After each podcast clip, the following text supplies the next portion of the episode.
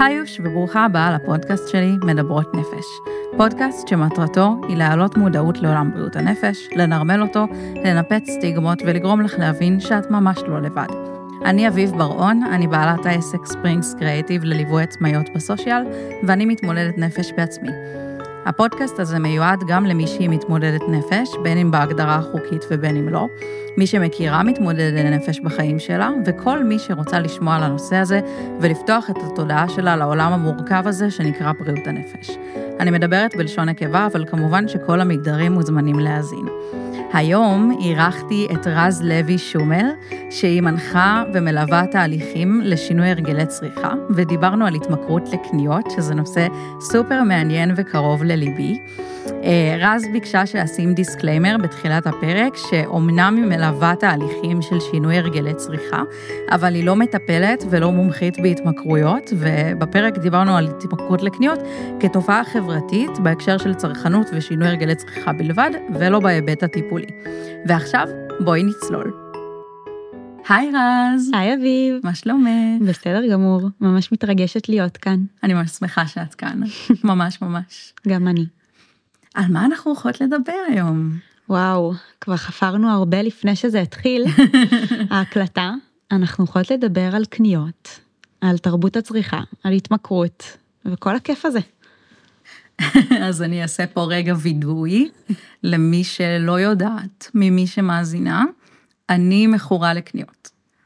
זה ממש, זה כמו ב-AA כזה, כן. שעומדים ומתוודים על הדבר נכון, הזה. אוהבים אותך אביב. כן, אבל ממש צריך להגיד אוהבים אותך אביב, כי יש הרבה אומץ בלהגיד את זה, כי הרבה מאיתנו מכורות לקניות או לדברים אחרים, אבל אנחנו עכשיו בקניות, אז הרבה מאיתנו מכורות לקניות, אבל לא, לא מכירות בזה. לא רק לא מכירות בזה, לא יודעות את זה בכלל. כאילו יש כאלה כן. שמכורות לקניות ואין להן מושג של מכורות לקניות, נכון. כי זה כל כך רגיל. זה כל כך רגיל, זה כל כך סטנדרט, זה אפילו אה, אידיאל שנוצר. לקנות ולקנות ולקנות ולקנות. זה אפילו, אה, אם את לא קונה, אם את לא בלופ, את מוזרה. נכון. אם את לא עוקבת אחרי כל הבלוגריות, כן. ואם אין לך את ה... את לא יודעת את הקודי קופון של כולם. כן. או אפילו רק, אה, רק אם את אומרת, אפילו מי שקונה ביד שנייה, הרבה פעמים היא תמצא אנשים שמרימים עליה גבה. או מי ש... אה, מי שבוחרת לקחת רגע צעד אחורה מתרבות הצריכה, מי שמביעה עליה ביקורת, הרבה פעמים זה, זה מתקבל בעין מוזרה, כי זה פשוט כל כך כל כך שגור בנו, שקניות הן חלק מהחיים, ושזה זה, זה אפילו must have, כאילו, אין, מה, לא תקני? לקראת החג לא תקני חולצה חדשה? צריכה משהו חדש, לא? נגיד, דוגמה. נכון, יש הרבה דברים שממש מנהגים לקנות חדש כשעוברים דירה, כששנה חדשה, יום הולדת. כן, אני נגיד כרגע, כאילו לא כרגע, אוקיי, שנייה, אחורה, אני אה, עוברת טיפול, גמילה מקניות ברווחה, ומחר המטפלת שלי עוזבת בטרם עת, כלומר לפני שסיימנו את, ה, את התהליך, אה, היא עוזבת ולא תהיה לה מחליפה. אני בעצם אשאר בלי מטפל, אני בעצם לא אשאר ברווחה, כאילו בעצם זורקים אותי מהרווחה, אה, ואני נשארת בלי טיפול, ואחד הדברים שהכי מדאיגים אותי ושיתפתי אותה בזה, זה שהיינו אמורות להספיק לדבר על היום הולדת שלי. כי ביום הולדת שלי יש הטבות יום הולדת, ולי נורא נורא נורא קשה לא לממש אותן. כן, נורא קשה. אני, אני זוכרת, כאילו החודש מאי, חודש יום הולדת שלי, זה החודש שאני מוציאה הכי הרבה כסף. כן, כי משתלם, כי יש כן. לי הנחה מטורפת, כי יש לי נגיד Dream Card, כן, אז יש לי אה, 30 אחוז הנחה על ההנחה הקיימת. אז אם יש 50 אחוז הנחה בללין, אז יש לי עוד 30 אחוז הנחה על זה, ואני יכולה לממש נקודות, ואני צוברת נקודות, ואני מקבלת מתנה, סתם, כן. כאילו, מלא, כל כך דברים. קשה, כל כך קשה להגיד לא, ואנחנו כל הזמן, כל הזמן את עומדת בסיטואציה שבה את צריכה אה, לסרב לפיתוי נורא נורא גדול, ואז בא חודש יום הולדת, או בא נובמבר, שהוא אה, חודש המבצעים הגדול, או כל דבר כזה או אחר, והפיתוי הופך להיות כל כך הרבה יותר חזק וההתמודדות הופכת להיות כל כך הרבה יותר קשה שהיא משתלטת עלינו לתחומי חיים אחרים. ו... וממש קשה לעמוד מול זה, זה ממש קשה, כאילו, זה כמו לדמיין בולדוזר שבא והורס בית, אוקיי, את רואה את זה מרחוק, ואז את מתקרבת ומתקרבת, ואת כבר כאילו לא יכולה להתעלם, זה ממש נכנס לנו לאף, שולחים לנו הודעות, שולחים לנו מיילים, יש אה, stories כאלה ואחרים, ממש כל, כל, כל מה שאנחנו עושות מכוון אותנו לקנות משהו. אז מה שאני מנסה להגיד אולי, זה שזה מאוד הגיוני שזה חודש שהוא מאתגר אקסטרה בשבילך. כי הוא חודש מלא בטריגרים נוספים, בנוסף לטריגרים הרבים האחרים שכבר יש. ושזה, אני חושבת שזה מאוד יפה שאת יודעת להבחין ולהגיד, זה חודש מאתגר בשבילי, ופה אני נופלת. ואני... פעם לא ידעתי להגיד את זה. כן. פעם זה היה החודש הכי כיף בשנה. כן. כאילו פעם זה היה וואי איזה כיף יש לי חודש יום הולדת ואז הייתי גם שואלת חברים אה, מי רוצה להשתמש בהטבות שלי כאילו וזה. אה, והייתי מנצלת כל הטבה, והייתי ממש בודקת שניצלתי כל הטבה שיש לי, אני מנויה להרבה מאוד מועדונים. Mm-hmm. ו... ואז בעצם היה איזשהו שלב שזה יצא משליטה. שאני חושבת שהכאפה הראשונה שחטפתי זה שהתקשרו אליי מהבנק. הייתי מאושפזת, והייתי בעצם על קצבה, וזה הכסף שהיה לי, והייתי מוציאה, אני מתביישת להגיד איזה סכומים הייתי מוציאה, ונכנסתי למינוס. והייתי בת, לא יודעת, 20 נגיד. כן. וזה היה בכלל לפני שהייתה לי מסגרת, לא הייתה לי מסגרת, לא יכלתי להיכנס למינוס. כן. גיל מאוד מוקדם לקבל ממנו שיחה מהבנק. זהו, מבחינתי זה היה כאילו רגיל, כאילו... כן.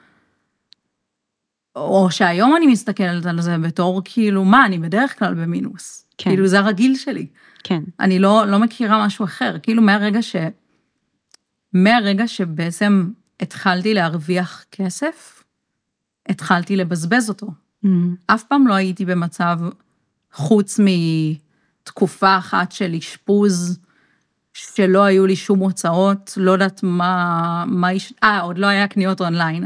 לא היה, זה היה לפני הקורונה, לא היה קניות אונליין, לא היה לי איך לבזבז כסף, לא הייתי מעשנת סיגריות, גם עכשיו אני לא, אני נגמלתי מסיגריות לפני 11 חודשים. אמ, תודה. ולא היה לי איך לקנות, אז חסכתי כסף, כי נכנסה קצבה ולא יצא כלום, כאילו. Mm. אמ, ואז מה? ואז כשהתחילה הקורונה, אז פתאום היו קניות אונליין, כאילו זה נהיה רגיל זה לקנות. זה נהיה יותר אה, באונליין. סטנדרט. כן, ואז גם מתוך הבית חולים יכלתי לקנות, ואימא שלי הייתה מביאה לי את החבילות מהדואר, ו... וכן, והיו כן. לי דברים, ואז הבנק התקשר, וחטפתי כאפה, התחלתי לבכות, ואמרו לי, אין לך מסגרת, כאילו אין לך בכלל מסגרת. כן. אז uh, המינוס 1,800 שקל שיש לך עכשיו, זה לא מתקבל על הדעת, כי אין לך מסגרת. כן, אז בואי נגדיל לך את המסגרת, תיכנסי למינוס גדול יותר. בדיוק, אז הם הגדילו לי מסגרת. נעזוב אותך תקופה, ותבזבזי עוד, ותיכנסי לבוץ יותר עמוק. זה בדיוק מה שקרה. נכון. הם נתנו לי מסגרת. גם בנק הוא גוף כלכלי שבסופו של דבר מוכר לנו, ואנחנו הלקוחות של הבנק, וזה גם משהו שחשוב לזכור בהתנהלות מולם. את יודעת מה הדבר הראשון שנפתח לי, החלון הראשון שקופץ לי כשאני פותחת אפליקציה של בנק או של כרטיס אשראי? Mm. רוצה הלוואה? בואי, קחי הלוואה. בוודאי. ואז הכפתור הגדול זה ברור שאני רוצה הלוואה, והכפתור הקטן זה אולי בפעם אחרת. כן, תודה אבל לא. אפילו לא תודה אבל לא, אולי בפעם אחרת. כן. כלומר, הם לא נותנים לך את האופציה להגיד לא. כן.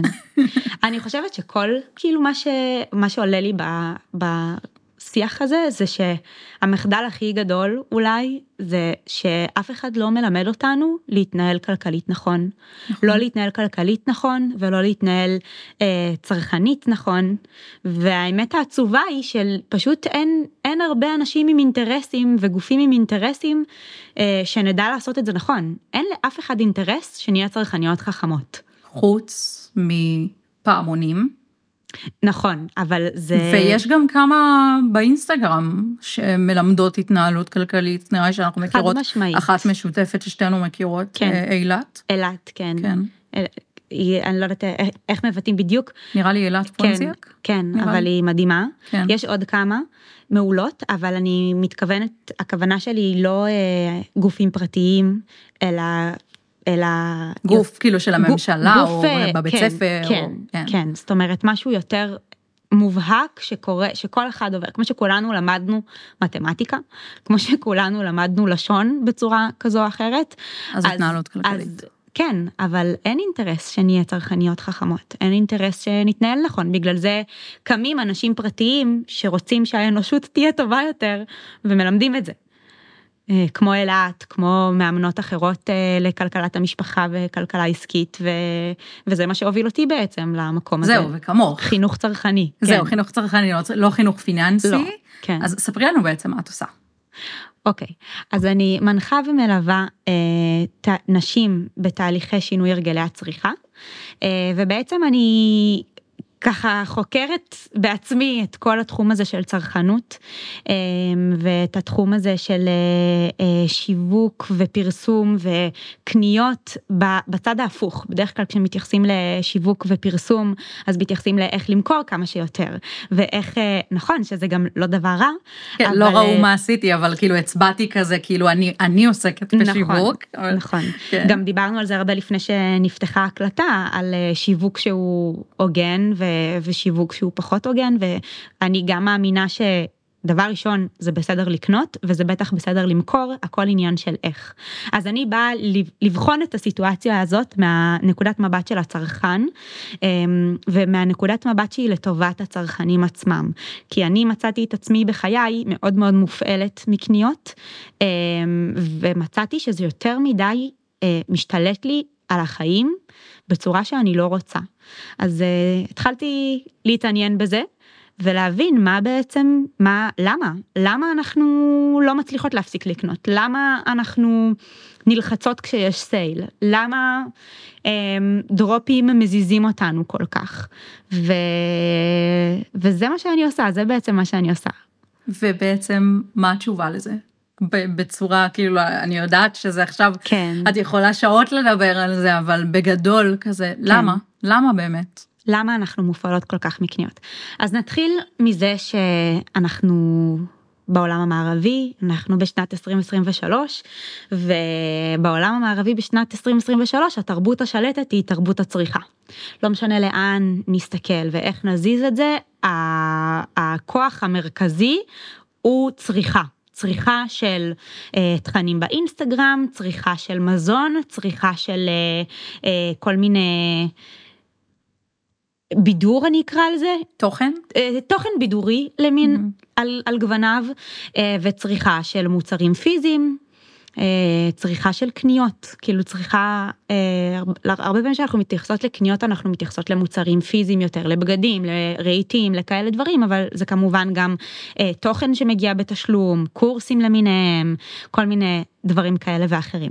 והתרבות הזאת היא, היא נולדה, מעניין קצת שאני אספר על, ה, על הרקע שלה היותר כדור. בדוק, בדוק. אז אוקיי, זה כזה על קצה המזלג, אבל בעיקרון הייתה את המהפכה התעשייתית אי שם פעם, ובסביבות אה, 1920 פלוס כזה, אה, אנשים בעצם, היה מצב שבו המכונות עשו עבודה מעולה. עשו אחלה עבודה, תקתקו את כל מה שצריך, ואנשים החליטו שהם רוצים יותר זמן לעצמם. המכונות עושה, המכונה עושה אחלה עבודה. אנשים פחות נזקקים במפעלים, ועדיין הכל קורה. ואנשים בעצם התחילו לבקש ולדרוש יותר זמן פנאי לעצמם. הם uh, היו כבר בתפיסה שיש להם הכל, שזה, יש להם ביגוד, יש להם דיור, יש להם הנהלה, יש להם מזון, שפע מבחינתם. הסתפקו במה שיש להם, לא ידעו שזה, שצריך יותר, והם שצריך? רצו, צריך יותר? בעולם שלנו אה, זה כאילו לא מספיק, אבל אה, האם צריך יותר זו שאלה אחרת. שאפשר יותר אולי. שאפשר אפשר יותר. יותר. יפה מאוד, לגמרי. אמ, ואז הם בעצם ביקשו יותר זמן פנאי. אבל זה הדאיג שתי קבוצות אמ, שתי קבוצות באותה תקופה, הראשונה היא הכנסייה השמרנית, שדאגה שיותר זמן פנאי יוביל ליותר אה, חטאים. אה, והשנייה היא אה, הקבוצה של התעשיינים, שדאגה שאם הם לא מעוניינים, אם אין מי שמעוניין במוצרים החדשים שלהם, שאז זה היה מכוניות, מוצרי חשמל, כל מיני דברים שהיום מבחינתנו הם אה, must have, אז זה לא היה. אבל הם דאגו שאם הם לא, אם לא יהיה מי שיחשוק במוצרים שלהם, אז לא תהיה להם זכות קיום, והם גם צדקו. ולכן הם השתמשו בכוח שלהם אה, והפעילו משרדי פרסום גדולים על מנת לייצר ולהכניס מונח חדש שנקרא רמת חיים. ובעצם לגרום לאנשים להבין שהם במרכאות צריכים, כמו שאמרת, או שבאמת אפשר, אפשר יותר. והרמת חיים הפכה להיות מאוד מאוד מקושרת לחפצים, או להגדלה של החפצים והדברים הפיזיים שיש לי היום. בית גדול יותר, מכונית, יותר בגדים, יותר אה, ממון וכו'. וככה נולדה תרבות הצריכה, לאט לאט, בהדרגה, ואנחנו עד היום במרוץ הזה, במרדף אחרי רמת החיים. כן, כי זה בעצם, יש הרי, כשלומדים שיווק, אז לומדים את הצרכים הבסיסיים של בני אדם, ואחד מהם זה סטטוס חברתי. כן. וזה בעצם דברים שמגדילים לנו, שמעלים לנו את הסטטוס החברתי, בית גדול יותר, מכונית, כאילו מכונית שהיא לא עכשיו ה basic של ה basic. כן. מכונית שווה יותר, וכל מיני דברים כאלה. אני חושבת שמעבר לזה, אם תשאלי היום אנשים, מה שמניע אותם זה בכלל לא זמן. מה זה פנאי? כאילו, למי אכפת מפנאי? זה ממש משהו שאת לא תשמעי אנשים שואפים אליו. רוב האנשים. יש כמובן אנשים שכן שואפים לזמן פנאי, אבל רובנו, אנחנו, זה לא בוויש ליסט שלנו. רובנו רוצים עוד כסף, רוצים לחסוך, רוצים לטוס לטייל, רוצים אה, אה, להיות יכולים לקנות מה שבא לנו מתי שבא לנו, רוצים להיות בריאים, שמחים וזה, אבל בעיקר מה שאנשים קמים בבוקר בשבילו לעבוד, זה כבר לא רק לשלם נכון שמאוד קשה ויקר במדינת ישראל, אבל זה כבר מזמן לא רק כדי לחיות, זה הרבה מעבר. זה כדי לחיות טוב, זה כדי לחיות ברמת חיים מסוימת. ברמת חיים שהפכה להיות מאוד מאוד מאוד מאוד גבוהה. וגם, זו שאלה בכלל על ה... מה, מה זה רמת חיים? אוקיי, אז יש לי את הדברים האלה, יש לי עוד דברים, יש לי יותר בגדים בארון, אני יכולה לקנות מה שבא לי, אני נוסעת במכונית הכי שווה, אבל זה לא, זה, זה לא אומר שאני שמחה, זה לא אומר שאני מאושרת, זה לא אומר שאני חיה במערכות יחסים מיטיבות, זה לא אומר הרבה. ובאמת יש מונח אחר שנקרא איכות חיים, והוא זה ששם יותר דגש על הדברים שאולי צריך לשים עליהם דגש באמת. אבל הרמת חיים היא סחררה אותנו, והיא שבתה את כולנו בשבי שלה. וזה הכל שיווק? אני חושבת שזה הכל שיווק, כן, זה, זה אנשים שלא רצו, לא היו מעוניינים בכלל, מה, כמו שאמרת, הם לא ידעו שזה אפשרי בכלל יותר מזה, זה לא עניין אותם, עניין אותם עוד זמן, עוד זמן פנאי, לעבוד פחות. ואת עושה פסט פורוורד של 100 אה, שנה, 200 שנה, זהו, קדימה. זהו, בעידן של היום, כן. כשאני יודעת שאפשר יותר, אבל נגיד, לא יודעת, נגיד אני עכשיו מוחקת את כל, מסירה את עצמי מכל רשימות הדיבור ב-SMSים, במיילים, בהכל. כן. ומתנתקת מהאינסטגרם. האם, האם זה יגרום לי להפסיק לקנות? אמ, חד משמעית זה יפחית בצורה מהותית את הרצון שלך לקנות. יחד עם זאת, את כבר נולדת, אני ואת, והמאזינים שלנו, של, המאזינות, מאזינים, כבר נולדנו לתרבות הצריכה. זה כבר כל כך שגור בנו מגיל אפס, כאילו, לא יודעת מי, מי מכם, אפילו בסופר, הולכים לקנות מצרכים הביתה, וברור שנקבל איזה משהו, נכון? למה הולכים עם ההורים לעשות קניות? כי רוצים לקנות משהו בשבילך. או כל מיני דברים כאלה ממש ברמה הכי פשוטה, ילדים היום הם כבר חלק טוטאלי מתרבות הצריכה. אז זה נורא נורא נורא מוטמע בנו, שאנחנו, הקישור הזה בין סיפוק מהחיים לבין קניות. אם אין לנו את היכולת לקנות, אז אנחנו אוטומטית מרגישות פחות מסופקות מהחיים שלנו. הסטנדרט שלנו הפך להיות האם אנחנו יכולות לקנות או לא לקנות, כי אני רגע מפשטת את זה לזה, אבל תחשבו על הסיבה שאתם קמים בבוקר אה, והולכים לעבודה, אז כמו שאמרתי, זה כבר מזמן לא רק כדי לחיות את המחיה הבסיסית, כולנו רוצים להרוויח יותר. למה? למה? למה? אה, זו שאלה רטורית, את לא צריכה לענות כמובן. לא, אבל באמת למה? באמת למה? כי אנחנו רגילות שיותר, ש, שחיים טובים משמע היכולת לקנות יותר דברים. עכשיו, אני לא מדברת על אה, לחסוך ולהיות בנחת כלכלית, אני לא מדברת על זה, זה כבר מעבר לזה. זה הרצון להיות יכולה לקנות עוד ג'ינס בזארה, זה הרצון להיות יכולה לשדרג את האוטו כל שנתיים, זה הרצון אה, ללכת למסעדה פעמיים שלוש בשבוע. וזה לא רצון שהוא לא בסדר, זה, זה רצון שהוא בסך הכל כמו שאמרתי, אנחנו חלק מזה. זה הופך להיות לא בסדר כשזה בחוסר שליטה. זאת אומרת, אני לא רוצה לשנות את התרבות, כי אני לא אצליח כרגע. אנחנו, אוקיי, יש את תרבות הצריכה, היא קיימת, אני יכולה אה, אה, לבקר אותה, ואני יכולה להתנגד אליה מכל מיני בחינות, אבל בסך הכל אנחנו גם שמחים על מקומנו בעולם המודרני, תודה לאל, יש לנו מקלחת, שירותים, יש אוהב אבק כשיש כלבים עם אה, הרבה שיער, ובאמת, החיים המודרניים הביאו איתם הרבה נוחות, וגם תרבות הצריכה. אז זה לא ש... הפואנטה שלי היא להתנתק מהכל ולהגיד אוקיי זה לא, לא. אבל הבעיה בתרבות הצריכה זה שהיא משתלטת, היא משתלטת עלינו, על המעשים שלנו, על ההרגלים שלנו, על הרגשות שלנו, על התחושות שלנו, הכל נהיה אה, נורא נורא מותנה במה אני יכולה לקנות או לא לקנות. לגמרי, כאילו בתור מכורה לקניות. אני יכולה להגיד שזה חד משמעית, הייתה תקופה שזה לחלוטין שלט לי בחיים, היום יש, אמ, היום אני קצת יותר מחושבת והיום אני, אמ, יש עדיין מצבים, למשל, שזה לחלוטין ישפיע לי על מצב הרוח, mm.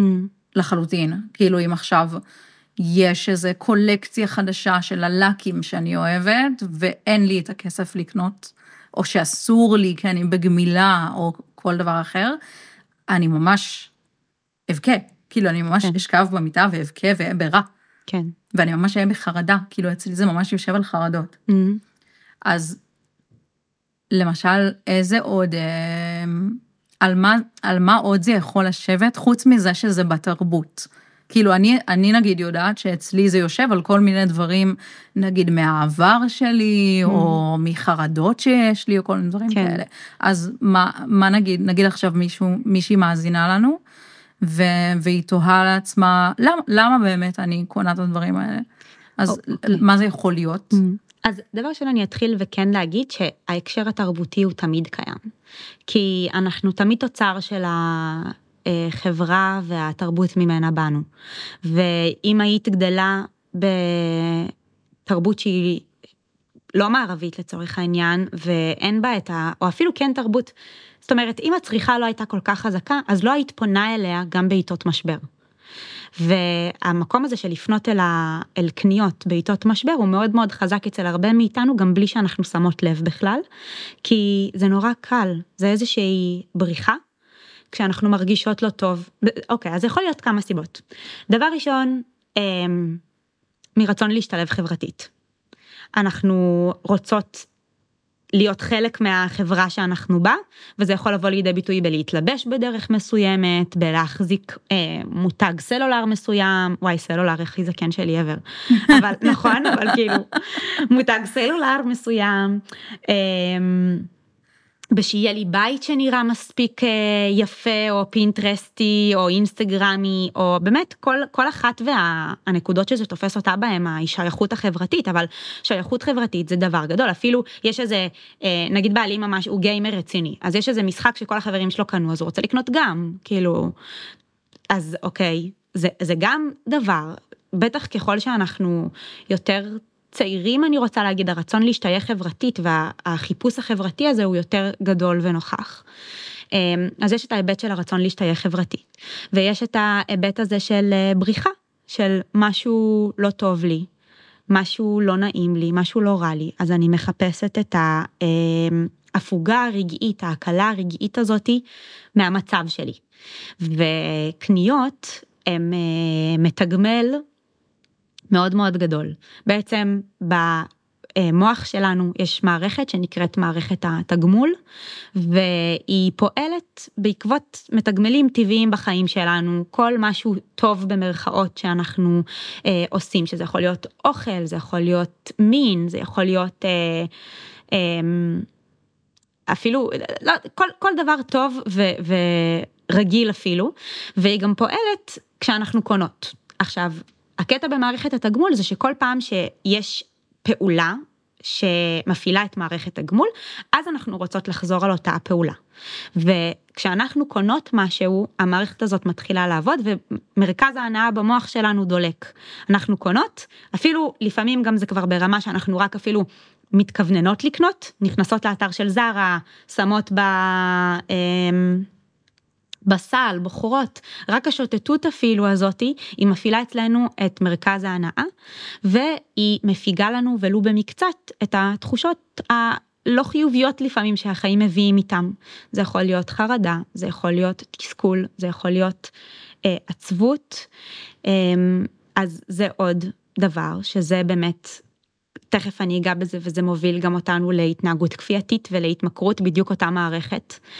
אמ, אז, אז יש את הרצון להפיג את התחושה ולחוות איזושהי חוויה אה, חיובית ותחושת עונג פתאום, בריחה מהחיים שלנו ומהתחושות שלנו.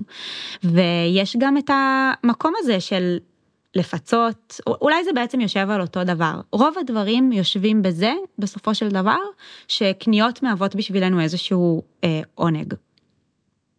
מעניין. כן. אבל כאילו, אני מנסה לחשוב, כאילו יש, יש אנשים שקשה להם להוציא כסף. שזה כמו נגיד, יש דברים שאנחנו משלמים עליהם כסף שלא כיף לנו, כמו חשבונות. נכון. מי, למי כיף לשלם חשבונות? נכון. אז כאילו, מה גרם לקניות להיות משהו חיובי?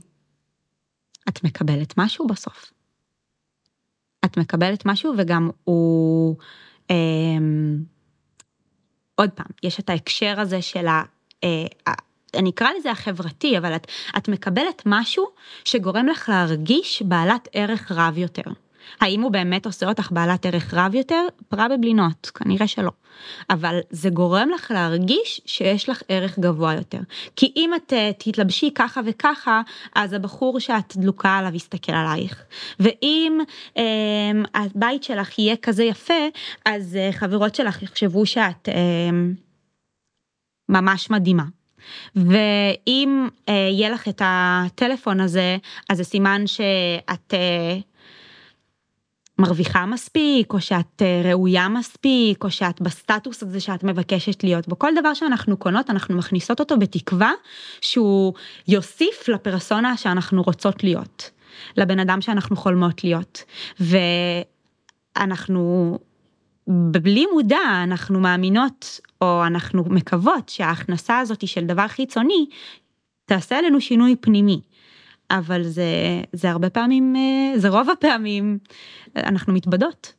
ואז צריך עוד משהו, כי עוד פעם אמרתי, המערכת, המערכת הגמול עובדת, אז ברגע שלחצת פעם אחת על מרכז ההנאה, יש לך רק crave לעוד פעם, אז את רוצה עוד משהו. ואם קנית את החולצה הזאתי ולא השגת איתה את מה שרצית, אז אוקיי, אז את אומרת, אוקיי, עכשיו זה, זה יעבוד לי, ואת זה אני אלך לקנות. וזה בעצם לופ שלא נגמר. זה לופ שלא נגמר. זה, זה ככל שאנחנו קונות יותר, אנחנו רוצות לקנות יותר, זה פיזיולוגי, המוח שלנו ככה עובד. ככל שאנחנו לוחצות יותר על מרכז ההנאה באמצעות קניות, ככה אנחנו רוצות לחזור על הפעולה אמ, על הפעולה שוב ושוב, וככה גם היכולת שלנו להיות מסופקות מהפעולה הולך ויורד. ככל שאני קונה יותר, אני פחות נהנית מכל רכישה שאני מבצעת. בהתחלה נגיד, הזמנתי משהו באינטרנט, התרגשתי שיא בזמן ההזמנה, בזמן החיפוש, בזמן השיטוט, בזמן הזה התרגשות בשיאה, ואז אחר כך גם הגעתי אה, כמה ימים אחרי זה, הלכתי לאסוף את זה, או בא שליח. פותחת את זה ההתרגשות בשיא. אבל בפעם הבאה כבר קיבלתי פחות סיפוק, מה, חבילה אחת, זהו, הזמנתי דבר אחד, אז אני בפעם הבאה מזמינה שניים. ואז עוד פעם, הסיפוק הזה, וזה, וזה, ויואו, איזה התרגשות, ויש לי שניים, אבל נג... פתחתי ונגמר, זהו. רק שניים, בפעם הבאה אני מזמינה שלושה. וזה גם נורא קל, כי הרבה פעמים הדברים נהיו זולים יותר, אה, והכמויות נהיו גדולות יותר.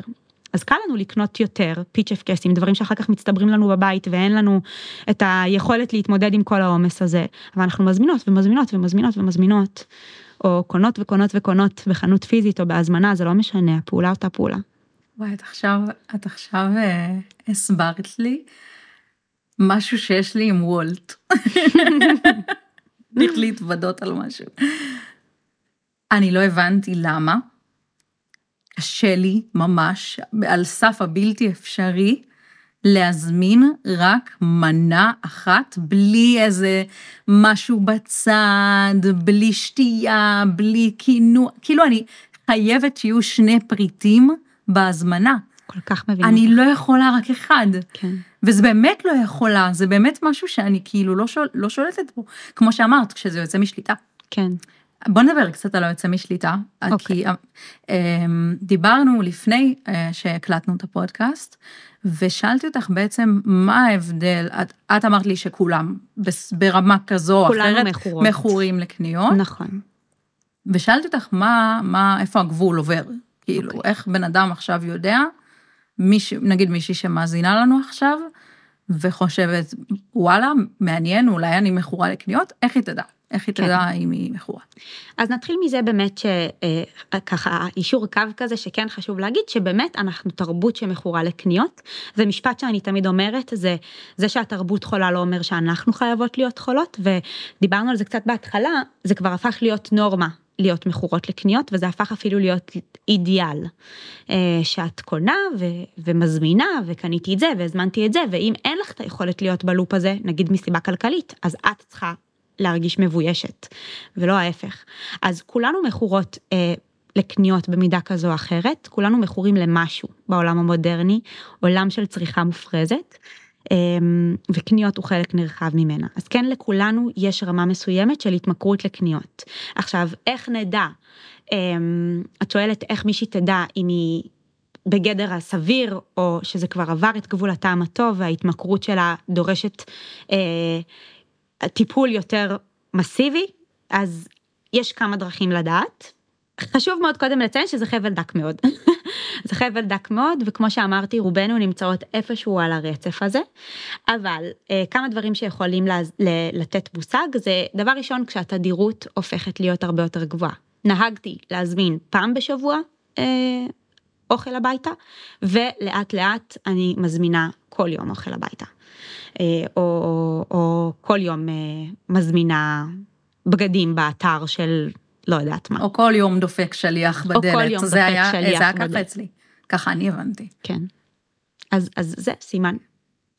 התדירות. הדבר השני זה הרמת אובססיביות. אם את מוצאת את עצמך כל הזמן רוצה ללכת לאתר של זרה, סורי שאני נתקעת על האתר של זרה. יש לך. משהו נגד זרה. לא, כאילו. זה, כי אני אגיד לך למה, כי אני חושבת שאני כילדה, זה היה הפאן האולטימטיבי בעיניי, ללכת לקנות בגדים. אבל ו- בזרה ספציפית? זהו, זה היה כזה זרה וחברותיה, אבל המותגים כאילו הקניונים האלה. אז, אז אני נתקעת על זרה וסורי. אלי אקספרס אפשר. גם. אלי אקספרס, סבבה. אז איפה הייתי? אמרתי, אוקיי, דבר ראשון תדירות, דבר שני האובססיביות. אם את כל הזמן צריכה להיכנס לאתר של קניות, אם את כל הזמן אה, צריכה לקנות משהו, את לא יכולה לעשות סיבוב ברחוב בלי לקנות משהו, לא יכולה לרדת למטה בלי לקנות משהו, לא יכולה אה, אה, ללכת לאיזשהו בילוי בלי שיהיה מעורב בו רכישה של אפילו סודה, אוקיי? אז זה דוגמה. וואי, אני אה, ממש מכירה את זה, כאילו, לא, לא בהכרח מעצמי, אבל אני, כאילו, גם מעצמי, אבל יש אמירה כזאת של, נגיד חברה מזמינה חברה ל, ל, ללכת לקניון, אז החברה בודקת אם יש לה כסף ללכת לקניון, כאילו, כי, כי כן. אם הולכים לקניון, זה אומר שמוציאים כסף, וזה לא נכון. בהכרח או נכון. אם נפגשים, זה אומר שעושים, זה כלול בבילוי שמוציאים בו כסף. כן, אם יוצאים מהבית, אז, אז, אז חייבים להוציא כסף. כן. זה באמת קצת קשה למצוא בילוי ש, שלא עולה כסף בכלל. אמ, אני חושבת שזה עניין גם של הגדרה אה, של ההגדרות האלה קצת נגענו בזה אני ואת קודם אבל באמת ההגדרות של אה, מה נחשב מבחינתי אה, בזבוז שהוא לקנות ומה נחשב מבחינתי אוקיי הוצאתי על זה כסף אבל זה המחיה הבסיסית שלי. אולי תכף ניגע בזה, אני אסיים רגע כן, את ה...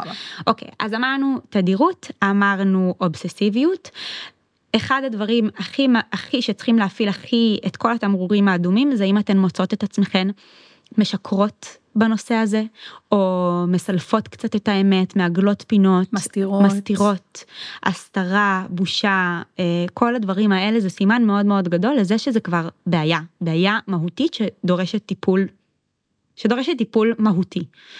אמ, וואי, את יודעת כמה מנרמלים את זה.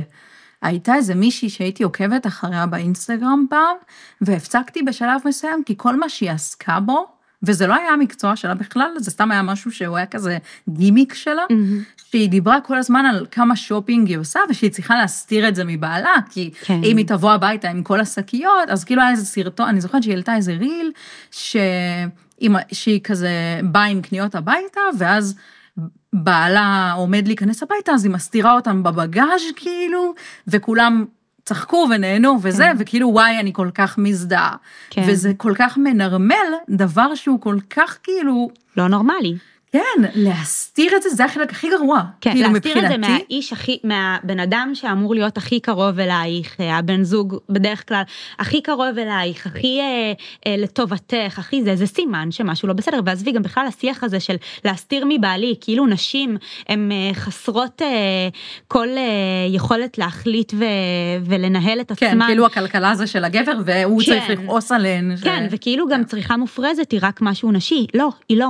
פשוט יש, האמת שזה מעניין אה, להעמיק בזה, אבל אה, צרכנות היא גם, צרכנות מופרזת היא גם אה, מנת חלקם של גברים, הקטגוריות שונות בין גברים לנשים, כן נלך יותר למקום הסטריאוטיפי, כן אה, נמצא שנשים יותר מוציאות על בגדים וקוסמטיקה וכאלה דברים, וגברים יותר על גאדג'טים וכל מיני דברים, אבל גם גברים אה, לא, לא פסח עליהם התענוג הזה שנקרא צריכה מופרזת והתמכרות לקניות. אז אני כן אשאל אותך שאלה קצת קשה. Mm-hmm. למה את פונה לנשים בקהל היעד שלך? אמרת שאת עוזרת לנשים. נכון. כי זה, זה המקום שאני מרגישה ש, שאני באתי לעשות בו שינוי.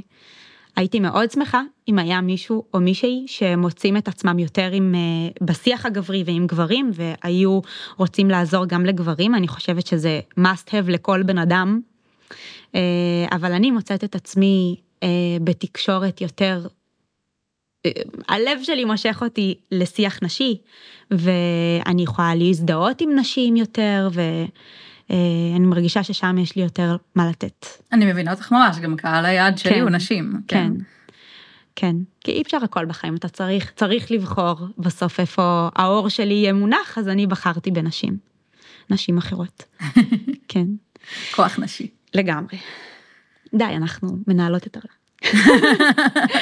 אמ, טוב, אז אה, אמרנו, אני חוזרת על זה כדי שזה יהיה כזה מסודר, תדירות, אובססיה, הסתרות ושקרים, אה, כשיש תחושה של מטרד בלתי פוסק, חוסר נחת תמידי, כאילו כל הזמן משהו לא לא, משהו יושב עליי, אני לא משחררת, אני כל הזמן בלחץ, משהו לא קוצים, מסתדר לי, אני על קוצים, אה, בטח סביב כאילו רכישות וכאלה דברים מסוימות, אז אם את, עד שאת לא רוכשת את בקוצים בצורה מטורפת, זה איזשהו סימן. אמ, כשזה פוגע בקשרים האישיים, כשזה פוגע בעבודה, כשזה פוגע בחשבון הבנק, שעכשיו תגידו, טוב, כל בזבוז פוגע בחשבון הבנק. כן, אבל אתן יודעות מתי זה לגיטימי להוציא קצת פה וקצת שם על משהו שככה אה, רציתן, ומתי זה עבר את גבול הטעם הטוב, אה, כשזה מכניס כשאנחנו מוציאות יותר ממה שיש לנו להוציא ולא עוצרות מהלהוציא, זה בדרך כלל סימן שיש פה איזושהי בעיה. כן, אם את מבזבזת כסף שאין לך, זה, זה סימן. זה סימן. שם אני, שם אני הבנתי, כאילו, היו לי הרבה סימנים בדרך, כאילו אני מזהה כמעט עם כל סימן שאמרת. כן. אה, וזה זה חתיכת אה, סימן. סימן גדול. כן, זה גם אשכרה מכניס אותך ללופ גדול יותר. לבעיה. ולבו- לבעיה. ממש לבעיה. לבעיה, אני הגעתי כן. למצב שלוקחים לי ריבית מטורפת על המינוס, כן. כאילו, ו... למרות שאני טוענת שכאילו הרבה פעמים זה הקטע הזה של צרכנות אה, חכמה נכנס עם המקום הכ- הכלכלי אבל מבחינתי גם אם יש לך מלא כסף ויש לך כסף לקנות מלא דברים את עדיין בבעיה כי ההשפעה של זה והאימפקט של זה על שאר היבטי החיים שלך נכון. הם מהותיים לא פחות. ועוד משהו שיכול ככה לתת אה, סימן זה כשכל פעם את מעלה את ההימור כל פעם את כמו שאמרתי קצת את הדוגמה עם החבילה. פעם אחת דבר אחד שהזמנת לא מספיק בפעם הבאה את מזמינה שני דברים. הזמנת הגבול שלך היה להזמין ב-300 שקל בגדים אז עכשיו הגבול שלך לאט לאט עולה ל-400 ואחר כך ל-500 ואחר כך 600 שקל ברכישה אחת זה בסדר בעינייך. זה סימן שמשהו מתחיל להיטשטש. ועוד סימן זה שכשאת מנסה להפסיק לקנות אז את חווה תסמינים של גמילה שזה חרדה זה דיכאון זה זה ממש קצוצים בגוף דחף לקנות בלתי נשלט שמאוד מאוד צובע את הכל. אז אלה הסימנים אה, שאני גם בטוחה שכולן יכולות להזדהות איתן. איתם ברמה כזו או אחרת ובגלל זה אני לא חושבת שכולם צריכות אה, גמילה כמו שאמרת בהתחלה I, אה, AA כזה. כן. כמו שאני עושה, כאילו, גמילה כמו שאני, שאני עושה. חושבת שמה שאת עושה זה מאוד אמיץ ויש הרבה נשים שאין להן כמו שאמרת לא את המודעות ואני אומרת גם לא את האומץ להודות בזה שהן מכורות זה נהיה להיות מכור נורא מקושר לנו לסמים אה, סמים אה, כימיים קשים אלכוהול אה, וכו'. נכון. ו... ואנחנו הרבה יותר מקבלים התמכרות לקניות, למסך, לכאלה דברים, אבל זו התמכרות קשה לא פחות. שמעי, אה, אני לא אשקר, להיכנס לרווחה ולראות את השלט על הקומה שאני נמצאת בה, המחלקה לטיפול בהתמכרויות, ושיש שם בדיקות שתן, כי יש שם מכורים לסמים, ודבר, זה, זה לא היה לי פשוט. ברור. זה כאילו פתאום, זה פתאום הרגיש נורא אמיתי, קודם כל, וגם זה הרגיש פתאום נורא, כאילו שאר ההתמכרויות הן, הרבה מההתמכרויות הן לא חוקיות. Mm, אז כאילו הרגשתי שאני גם עושה משהו שהוא לא חוקי, למרות שאני עושה משהו שהוא חוקי. כן, אה, וגם בנוסף לזה שאין להרבה אנשים אומץ ומודעות לזה שהן מכורות לקניות, לי לקח המון זמן למצוא שיש טיפול, כן, כאילו. נכון, זה הכי לא... כן, אז רק שתדעו, כאילו, תפנו לרווחה בעיר שלכם, ברוב הערים יש אה, מחלקה לטיפול בהתמכרויות, ששם יש מטפלת אחת לפחות של אה, גמילה מקניות, בהרצליה כרגע אין, כי שלי עוזבת. כן. אם שפר עליכם מזלכם ואתם מהרצליה. כן. אמ, כן, נכון. אבל רציתי לומר גם שחשוב לציין שבגלל שכולנו מכורות ברמה כזו או אחרת לקניות, וזה אומר שגם כולנו מכורות ברמה שונה לקניות, אז לא כל רמה עכשיו דורשת טיפול אה, אה, מעמיק ברווחה, אה, לצורך העניין, או אצל מטפל שייקח לכם אלפי שקלים. זה, זה לא המצב בכל דבר, וכן יש גם דברים שאפשר לעשות אה, ולהתמודד לאט לאט בצורה עצמאית, או עם אה, מישהו, איזושהי עזרה חיצונית שהיא לאו דווקא אה, עכשיו אה, טיפול שהרבה פעמים יכול לעלות יקר, אבל זה ממש עניין של ניואנסים של לקרוא את עצמכם וגם להכיר את האופי שלכם ולדעת מה נכון לכם, כי לפעמים דווקא צריך את, ה, את המחויבות הטוטלית, את ה, לראות את השלט הזה על הדלת של היי, טיפול בהתמכרות. אבל פשוט חשוב כן להגיד שלא כולם ברמה, אה, ברמה שזה מה שהם צריכים. לפעמים אפילו לשמוע פודקאסט יכול לנער מישהו, אה, וכזה לתפוס רגע מרחק מהדבר. לפעמים לצרוך את התוכן הנכון מהאנשים הנכונים, או להפסיק לצרוך את התוכן הלא נכון מהאנשים הלא נכונים, יכול להפחית משמעותית את הטריגרים ואת הגירויים, ולעשות עבודה טובה בתור התחלה. משהו שחשוב לי לומר שלא כולם ייבהלו ש... כי אני, אני חושבת שבתסמינים כזה בגרשיים שציינו על התמכרות לקניות אז באמת הרבה אנשים ימצאו את עצמם. כן, כי כולנו כי כולנו מכורים לקניות, זה חלק מאיתנו, אפילו בסופר, כמות האנשים, זה כאילו סופר זה הכי טריוויאלי, נכון? כן. אבל כמות האנשים שנכנסים לסופר עם, אוקיי, אני אקנה רק שני דברים, או אני קונה רק, יש לי רשימה של עשרה פריטים, ובסוף יוצאים עם עגלה שעולה על גדותיה, או לפחות עם עוד שני פריטים יותר ממה שהם קנו, היא כמות לא נורמלית, והרבה אנשים יוצאים מהסופר במחשבה של, טוב, אני יוצאת, אני עושה קניות לשבוע רק עם איקס כסף, בסוף יוצאים עם 200 שקל יותר. זו בעיה. נכון. אוקיי, אז עכשיו אנחנו יודעות איך אנחנו יודעות שאנחנו צריכות עזרה. Mm, ועכשיו אני אבקש ממך לתת כמה טיפים, כמה דברים שאפשר להשתמש בהם, אם אנחנו מוצאות את עצמנו במקום הזה. כן. אז יש כמה דברים שבאמת כל אחת וכל אחד יכול לעשות. הם גם כלליים וגם ספציפיים, זאת אומרת, הם גם ברמה תפיסתית וגם ברמה פרקטית. אז, אה, אז הראשון הוא המתנה. אה, המשפט האהוב עליי בערך זה המתנה היא מתנה. ולמה? תכף אני אתן, אני גם אסביר איך אפשר לעשות את זה. אבל ברגע שאנחנו מחכות קצת, כשאנחנו רוצות לקנות, עולה בנו דחף לקנות, עולה, עולה בנו רצון לקנות, ראינו את, ה, אמ, את המוצר הזה אצל מישהי בסטורי או בפרסומת של איזה חברה, ואנחנו, מתעורר בנו הרצון לקנות, ככל שנחכה יותר, ככל שנדחה את הרכישה לכמה שיותר זמן, אז ככה היכולת שלנו להסתכל עליה בבהירות תעלה. היכולת שלנו לשקול עוד היבטים, האם אני, נכון לי עכשיו להוציא את הסכום הזה? האם יש לי את הכסף הזה? או בכלל תכננתי אותו בשביל משהו אחר? האם יש לי אה, בגד דומה כזה בבית כבר? האם יש לי מקום לעוד בגד או לעוד מוצר כזה?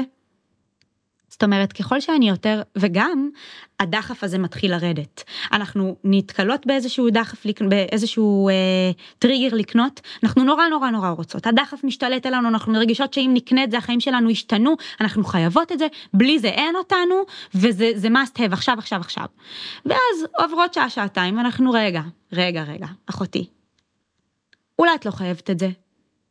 זה לא כזה משמעותי, אולי פעם הבאה שתהיה את ההשקה של זה, ומתחילות יותר להשלים עם זה שוואלה זה לא סוף העולם אם זה לא יהיה שלנו, וזה אפילו ממש בסדר, אבל זה תהליך שלוקח לו זמן להבשיל.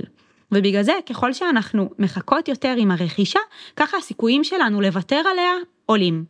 אז איך אפשר, מה, מה הפרקטיקות שאפשר ליישם בקלות? דבר ראשון, אם אתם יודעות שיש לכם חוסר שליטה בקניות, להוריד את החיוב האוטומטי מהטלפונים. להוריד את זה, גם את האפליקציה של הבנק שפשוט מצמידים וזה משלם, וגם את ה... אה, שיש מילוי אוטומטי כשאת מזינה פרטי אשראי. כן, שזה שמור כאילו בכרום, בגור, כן. צריך אבל, וואו, מניסיון צריך ממש לחפש בכל מקום שזה שמור. כן. כי זה שמור כשנכנסים ללינק דרך האינסטגרם, או דרך נכון, המייל, או נכון. דרך הכרום, או כאילו, כל, בכל מקום, אני הורדתי מ- בכל המקומות, כן. כאילו, ו, וגם אז מצאתי את זה בעוד מקום במקרה. כן. זה עבודה, אבל היא משתלמת כי זה פשוט מונע לחיצות אה, אימפולסיביות ש, שרק מזינות את הרצון לקנות גם עוד ועוד, כי אה, זה נגמר תוך שנייה, זהו קניתי, די, נגמר, בא לי לקנות עוד משהו. אז זה דבר אחד, להוריד את כל הדברים האלה. דבר שני, זה אשכרה שיהיה קשה להשיג את האשראי או את הכסף, בין אם זה אה, לשים את הארנק למטה בתיק, כשאת הולכת לקנות משהו בחנויות פיזיות, ממש לשים אותו למטה, שתצטרכי להביא את התיק אלייך, לפתוח אותו, לשוטט, לפשפש את התיק, ושייקח לך זמן להגיע. אמצעי תשלום שלך. גם הזמן הזה בקופה רגע הוא, הוא זמן ששווה את זה. הזמן עד שאת רגע מתאפסת על עצמך, מתארגנת, רגע מאפשר לך עוד קצת זמן לחשוב. עוד טכניקה אה, שקצת דורשת יותר אה, כוח רצון ואקטיביות היא אה, להחליט על זמן מסוים. אה, אני קוראת לזה תרגיל שעון החול, ממש לדמיין שעון חול שמתהפך מהרגע שאני רוצה לקנות משהו עד הרגע שאני קונה אותו, ועד שהשעון חול לא נגמר, אני לא יכולה לקנות. ואני ממליצה לעשות שני שעונים, שעון אחד לקניות אה, פיזיות בחנות, אז נגיד להחליט שברגע שאני רוצה לקנות משהו, אני שמה לעצמי טיימר של חמש דקות ורק אז ניגשת לקופה לשלם עליו. ו... אה, טיימר של אה, קניות אינטרנטיות שבדרך כלל נותנות לנו יותר מרווח פעולה אני ממליצה שזה יהיה 24 שעות, 48 שעות, או הגבול העליון של מה שאתן יכולות. נגיד אם יש השקה של משהו ויש הטבה שנגמרת ב-12 בלילה, אז לעשות שעון ל-11.45, כזה. לדחות כמה שאפשר את הרכישה. אמ, זה הדבר הראשון. הדבר השני זה לתכנן. לתכנן את ה... רכישות שלכן, לתכנן מה שאתן רוצות לקנות, לתכנן, פשוט לתכנן. זה אומר לכתוב על דף אמ, את כל מה שבא לכן לקנות מהדבר הכי קטן עד הדבר הכי גדול ולהתחיל למיין את זה ולתעדף את זה. אני מאוד מאוד מאוד ממליצה גם לתמחר את הכל כי כשאנחנו רואות מחירים זה לפעמים נותן לנו רגע לעכל את הדברים בצורה אחרת הרבה פעמים אנחנו שמות בעגלה שמות שמות שמות מעמיסות מגיעות לקופה רואות את המחיר חוטפות שוק וקונות בכל זאת כי זה כבר בעגלה. וזה כבר אצלנו וזה כבר התכוונו וכבר התלהבנו והתרגשנו מכל פריט. אז לפני שאתן שמות בעגלה שימו ברשימה עם המחיר ותתחילו למיין ולסדר, תחלקו לשתי קטגוריות, חלוקה של דברים שאני צריכה וחלוקה של דברים שאני רוצה. כשקצת נגעת בזה קודם אביב, אבל ברור לנו שבעולם המודרני הנוכחי בתרבות השפע והצריכה, אנחנו לא באמת צריכות משהו. יש לנו, יש לכן כנראה מספיק חולצות בארון, כנראה הבית שלכן מספיק יפה ואסתטי, כנראה שיש לכן כבר מספיק ידע אה, בנושא מסוים, ואתן לא חייבות וצריכות את הקורס הספציפי הזה, או את החולצה הספציפית הזאת. יש לנו כל מה שאנחנו צריכות. אז הצורך הוא בא בשילוב עם רצון. תמיד זה זה איזשהו משהו זה לא רק צורך ממשי אלא זה רוצה צריכה נגיד התקלקל לי השעון אז אני רוצה צריכה שעון חדש אבל אני לא חייבת שעון חדש אף אחד לא חיי לא תלויים בשעון. אז לחלק את הרשימה הזאת לרוצה וצריכה ואז גם בתוך כל רשימה לתעדף. לתעדף ממש למספר מ-1 עד 10 כשהדבר הראשון שתקני זה הדבר שנמצא ברשימה של הצריכה במקום הראשון. ואז מבחינתי את ממקדת עליו את הפוקוס שלך ולא קונה שום דבר אחר עד שנכון לך כלכלית ובעוד היבטים אחרים שתיקחי בחשבון כל אחת ושלה שנכון לך לקנות את הדבר הזה. ורק הסדר שהרשימה הזאת תייצר, התכנון הזה, הוא עושה הרבה שקט ואת תראי שהרבה דברים לאט לאט יורדים מהרשימה, חלק מהדברים גם נוספים כל הזמן חדשים, כי אנחנו כל הזמן רוצות עוד דברים, אבל הרבה דברים ייפלו בדרך והסדר עדיפויות יגרום לך יותר לחדד את הרצונות שלך ואת מה נכון לך עכשיו ומה נכון לך אחר כך ומה מתאים החודש אבל מה לא כזה דחוף ויכול לחכות לחודש הבא ואז את תגיעי לזה חודש הבא ואת תהיי כזה רגע אולי אני בסוף לא רוצה את זה. ואז תכנון הוא כלי מאוד מאוד מאוד אה, שעוזר. עכשיו אני נתתי פה דוגמה לתכנון שאתן יכולות גם לקחת את זה למקום שלכם מן הסתם אז. אה, שתדעו את זה. והדבר השלישי הוא כנות, שזה בדיוק ההפך אה, ממה שדיברנו עליו קודם בסימן לזה שאת בבעיה מול פניות של הסתרה ו... ושקרים ובושה. ככל שאתן תהיו יותר כנות עם הסביבה שלכן ועם עצמכן לגבי מה נכון לכן ומה לא נכון לכן, ככה יהיה לכן הרבה יותר קל לעמוד מול רכישות. כנות רדיקלית מביאה יכולת להגיד לא. פשוט ככה, האימון הזה של לדבר בכנות, גם בכל מה שקשור לצרכנות והדברים שאת רוצה לקנות, אבל גם בכלל, בחיים בכלל, זה נותן לנו אה, ביטחון עצמי, וזה נותן לנו ערך עצמי, וזה נותן לנו אה, הבנה שאנחנו מסוגלות. מסוגלות לומר את האמת, אז אנחנו גם מסוגלות לעמוד בלא לרכוש את הדבר הזה. אז כנות היא כלי מאוד מאוד טוב, ואני ממליצה להכניס אותה בכל תחומי החיים, אמ, אבל גם בקניות, זאת אומרת, אם קנית משהו שלא רצית לקנות, למצוא את מי לשתף את זה שלא רצית לקנות, או לכתוב לעצמך על דף שקנית משהו שלא היה לך נכון לקנות עכשיו. לא לטשטש את זה ולא להסתכל על החיובי אשראי, לא, לעמוד מול הדברים באמת, להסתכל על הקבלה בסופר כשיצאת ממנו, ולראות איפה הפרזת, לראות איפה קנית מה שלא רצית לקנות, איפה אה, החיובי אשראי שלך לא מתאימים ונכונים לך. אה, וגם משהו שאפשר לתרגל אותו, כנות שאפשר לתרגל ביום יום, לא בהקשר של קניות, זה להתחיל לתרגל את זה מול אנשים. במערכות היחסים שלנו. נגיד, כולנו מכירות את זה שמציעים לנו להיפגש ווואלה אין לנו כוח, אבל לא נעים לנו להגיד, אז אנחנו אומרות משהו אחר, כמו יש לי תור לרופא, או אה, הבן זוג שלי לא יכול, או אין לי אוטו, או כל מיני דברים כאלה ואחרים. אז לתרגל את זה בלהגיד, אני פשוט לא, לא מתאים לי היום. לא נכון לי. אני לא אומרת להגיד לא בא לי לראות את הפרצוף שלך, אוקיי? להתאים את ה... כאילו, זה בסדר, אתם יודעות, לייפות טיפה את הסיטואציה, אבל להגיד, לא מתאים לי להיפגש היום כי א', ב', ג', ד', כי אני עייפה, כי אני מותשת, כי בא לי רגע זמן בבית לעצמי. להתחיל לתרגל כנות על בסיס קבוע, יומיומי, איפה שאתן יכולות. הדבר הרביעי זה תמיכה ומחויבות. אנחנו לא יכולות לבד. זה אולי חמוד לחשוב שאנחנו כל יכולות לבד, אבל אנחנו לא. וכולנו צריכות, בטח כשמדובר בשינוי הרגלים, צריכות תמיכה, וצריכות מישהו שישמור עלינו אה, מחויבות, כאילו, keep us accountable כזה, אין לזה באמת תרגום כן, בעברית, נכון. אבל אה, אז, אז הדבר הכי טוב לעשות בעיניי זה למצוא איזושהי חברה או בן בת זוג, או אימא, אבא, מישהו שנוח לכם איתו, ולשתף במטרה שלכם. נגיד המטרה שלכם היא לא לקנות יותר מ-X כסף החודש הזה, או לא לקנות בהשקה הספציפית הזאתי, או לא לקנות בגדים או נעליים החודש, או, או לא לצאת למסעדות, או לא יודעת, כל אחת והמטרה הצרכנית שלה. אז לשתף את זה מישהו, לשתף בזה מישהו, ולוודא שאתם גם יכולות לשתף אותו כשקשה לכם, או אותה, כשקשה לכם והם יעזרו לכם להתמודד ויזכירו לכם את הסיבה שלשמה בחרתם את הדבר הזה, וגם יחגגו איתכם הצלחות?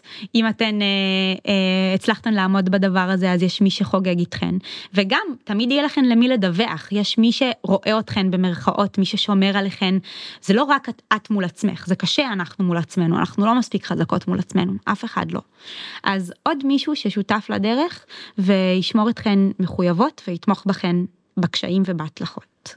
ואם אתם באינסטגרם, אני ממש ממליצה שזה יהיה ב story. לגמרי. אני, אני עושה וואו, את זה. אני גם עושה את זה, ה story זה פשוט התומך מחויבות הכי טוב שהיה לי, כי אני גם לא יכולה לתרץ. ברגע שאת מצהירה, גם, גם לא דברים של צרכנות, גם נגיד, אני מפחדת אה, להשיק מוצר, אני מודיעה בסטורי תאריך. לגמרי. וזהו, ו- וזה ואז קורה. אני חייבת לעשות את זה. ממש, אני עושה את זה המון, המון המון המון, כי אחרת הדחיינות שלי הייתה עולה עליי, והמון המון דברים אני קודם אומרת שהם קורים, ואז עושה אותם. וזה מחייב אותי. זה מחייב אותי, מדהים. וגם אה, אני יכולה להגיד על המסע הצרכני שלי, אני, החולשה הכי גדולה שלי זה קניות, זה בקניות, זה אוכל בחוץ וקפה ומאפה בחוץ וכל הדברים האלה, נגיד נורא נורא קל לי לוותר על בגדים, על נעליים, על דברים הביתה, אלה דברים שאני מאוד מאוד אה, מתונה בהם, לא תראי אותי חוגג, כאילו זה לא, זה לא מה שמזיז אותי, אבל אוכל מזיז אותי. ו... ואני אה, הייתי מבזבזת אחרי הלידה של אדם, הייתי אה, מאוד נהנית מלצאת לבתי קפה, ובאיזשהו שלב הבנתי שזה יותר ממה שאני רוצה ומוכנה להוציא על זה, וגם שאני לא רוצה שזה ישלוט בי, שיום שאני לא יוצאת בו לבית קפה הוא יום פחות טוב, לא בא לי, מה, כאילו לא בא לי להיות תלויה בבתי קפה, זה לא נראה לי הגיוני.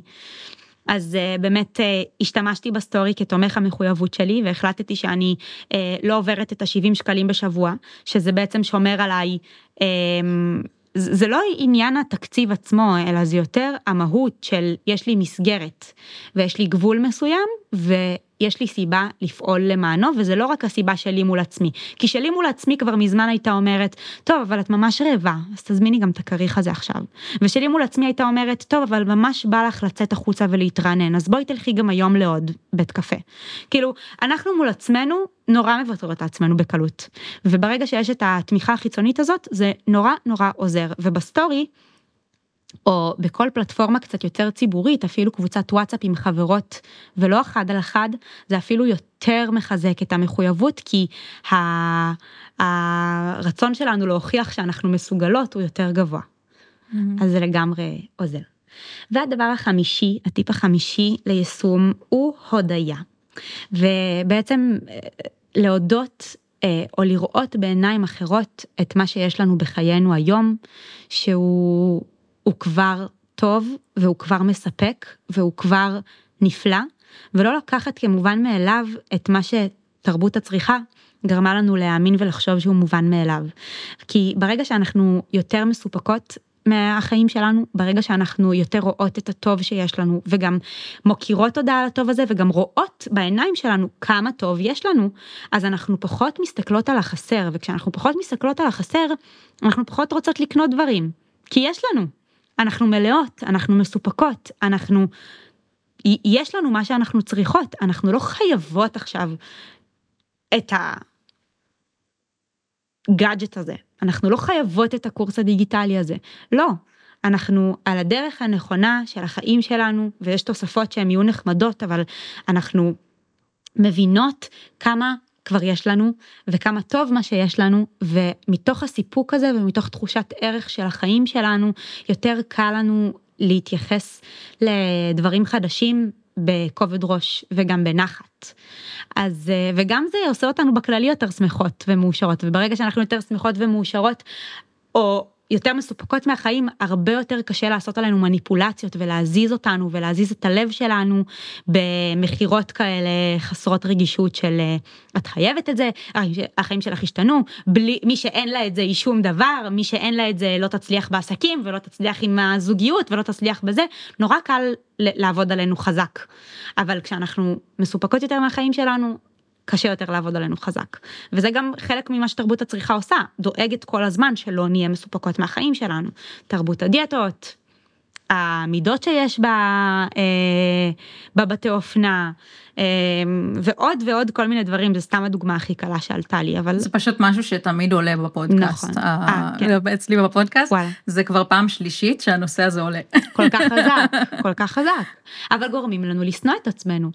לשנוא, לשנוא את עצמנו פיזית, כאילו חיצונית, לשנוא את הגוף שלנו, אז אנחנו צריכות לקנות יותר בגדים, ולקנות יותר איפור, ולקנות יותר טיפולים קוסמטיים, וגם לשנוא את עצמנו פנימית, כי אנחנו לא מספיק מגניבות, או לא, אה, העסק שלנו לא מכניס מספיק, אז בואי תקני את, ה, את הקורס הזה ואת הסדנה אה, ל, לזה עצמי הזה, או שאנחנו לא מיניות מספיק, אז בואי תקני סדנה להעצמה מינית, כי ככה תהיי משוחררת ותאהבי, כאילו כל פעם אנחנו לא מספיק. וזה מוכר כשאנחנו לא מספיק, אנחנו קונות. אז, אז בואו ננסה לראות איפה אנחנו מספיק. וואו.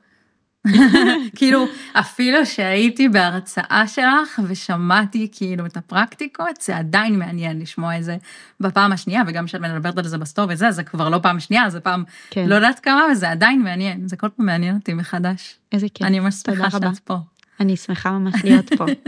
ספרי לנו איפה אנחנו יכולים למצוא אותך כל מי שמקשיב עכשיו לפודקאסט. אוקיי אז המקום הכי הכי אידיאלי הוא באינסטגרם. שם אה, אני באמת מעלה הרבה מאוד תוכן, הרבה טיפים חינמיים, הרבה פרקטיקות ליישום, אה, הרבה אה, מידע ש... ותוכן שבמהות שלו משנה קצת את התפיסה, מזיז אותנו מהקיבעון שהתרגלנו להאמין בו, כי בסופו של דבר שינוי הרגלי צריכה מתחיל בשינוי תפיסה. לגבי החיים עצמם ולגבי מה שלימדו אותנו להאמין בו. כמו שדיברנו על זה שצריכה וסיפוק מהחיים שווה צריכה בעצם. אז uh, שם אפשר למצוא אותי uh, ובאמת לקבל הרבה מאוד ערך, שם גם אני uh, מספרת אפשר לומר, כאילו מכריזה על uh, תוכניות כאלה ואחרות, תוכנית ליווי שעכשיו נפתחת, יש לי מיני קורס דיגיטלי uh, שעוסק uh, באמת איך לנהל רשימה חכמה ואיך לתכנן חכם ונכון. Uh, יש גם את העלון שלי, צרכנות למחשבה, שנשלח פעם בחודש, אבל הכל הכל מתרכז באינסטגרם, אתן מוזמנות לשם. שאיך קוראים לך באינסטגרם? אה, כן, well buying. אני, אני אכתוב את זה בתיאור כן, של הפודקאסט. מקף תחתון. כן. אחד העוקבים הטובים שעשיתי. איזה כיף, תודה באמת. רבה. טוב, אז עכשיו ממש לסיום, mm-hmm. אני אשאל אותך, אמ, אם עכשיו מישהי מקשיבה לנו, והיא הבינה או חושדת בזכות הפודקאסט, שיש לה איזושהי בעיה mm-hmm. עם אה, קניות, מה, מה, מה את רוצה להגיד לה? דבר ראשון, לא להרגיש בושה סביב זה או אשמה, כי באמת אנחנו, זה תוצר מאוד מאוד חזק של התרבות שלנו, וזה מאוד מאוד קשה, כמו שדיברנו על זה כל, ה, כל הפודקאסט, מאוד קשה לא להיות, לא להיות מכורה לקניות, לא לקנות בצריכה צריכה מופרזת. אז נטרלי את הבושה.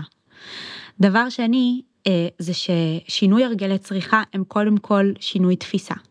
ושינוי תפיסה וגם שינוי הרגלים זה לוקח זמן וזה תהליך וזה לא ברגע אנחנו בעולם כזה שאנחנו רגילות לסיפוקים מיידיים ולתוצאות מיידיות וכשזה לא קורה אנחנו נלחצות ונוטשות הכל או מרגישות עוד פעם בושה ואשמה שמשהו בנו לא בסדר.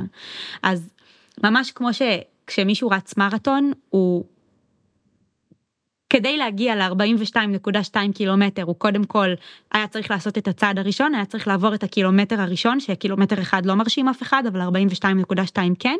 אז אותו דבר גם בשינוי הרגלי צריכה.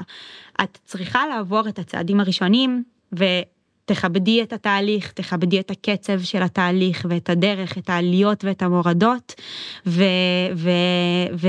ותנצרי ותכבדי ותשמחי בהצלחות קטנות ובצעדים קטנים שמובילים אותך בסופו של דבר למטרה הגדולה. אני יודעת כמה זה קשה לשמוח ממשהו קטן, כי אנחנו רגילות כל כך לדברים גדולים, וכולם מכריזים על ההצלחות שלהם אחרי שהם הצליחו. אף אחד לא הראה את המיילסטונס הקטנים האלה שהיה צריך לעבור, ושנים על גבי שנים של עבודה, או חודשים של, אה, של שינוי. אז תזכרי שזה תהליך ושזה דרך. תכבדי את הקצב שלך בתוכו. מהממת, את מהממת. את מהממת, איזה כיף היה לי להיות כאן. ממש כיף. אז תודה רבה לך, אז. תודה, אביב, על הפלטפורמה הזאת שאת יוצרת ועל הקול המיוחד שלך ברשת. וואו, תודה רבה לרז. אני מקשיבה להקלטה של הפרק. הפרק הוקלט לפני, הרבה לפני מלחמת חרבות ברזל, שכרגע אה, קיימת בחיינו.